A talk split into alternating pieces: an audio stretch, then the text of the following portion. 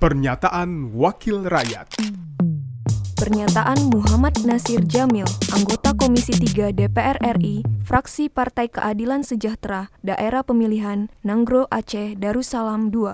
Saat rapat kerja Komisi 3 DPR RI dengan Menteri Hukum dan HAM RI terkait evaluasi kinerja dan capaian Kemenkumham tahun 2021. Rencana Kerja Kemenkumham di tahun 2022, Program Prioritas dan Strategi dalam Rencana Kerja Kemenkumham di tahun 2022, Program Prioritas dan Strategi dalam pencapaiannya, Rabu 2 Februari 2022.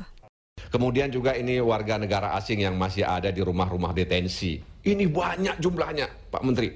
Ya, bahkan kalau dari Rohingya itu selalu singgah ke Aceh.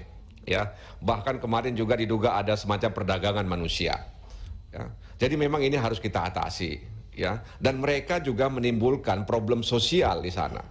Warga-warga negara asing yang ada di rumah-rumah detensi, kalau kita tidak selesaikan, itu akan menimbulkan problem sosial di tengah-tengah kehidupan kita.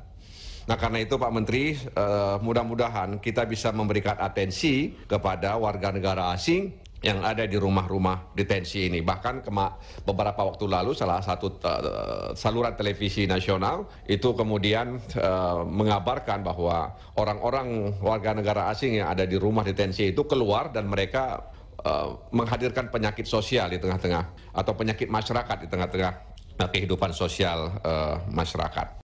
Pernyataan Muhammad Nasir Jamil, anggota Komisi 3 DPR RI, fraksi Partai Keadilan Sejahtera, Daerah Pemilihan Nanggro Aceh Darussalam II. Produksi TV dan Radio Parlemen, Biro Pemberitaan Parlemen Sekjen DPR RI. Pernyataan Wakil Rakyat.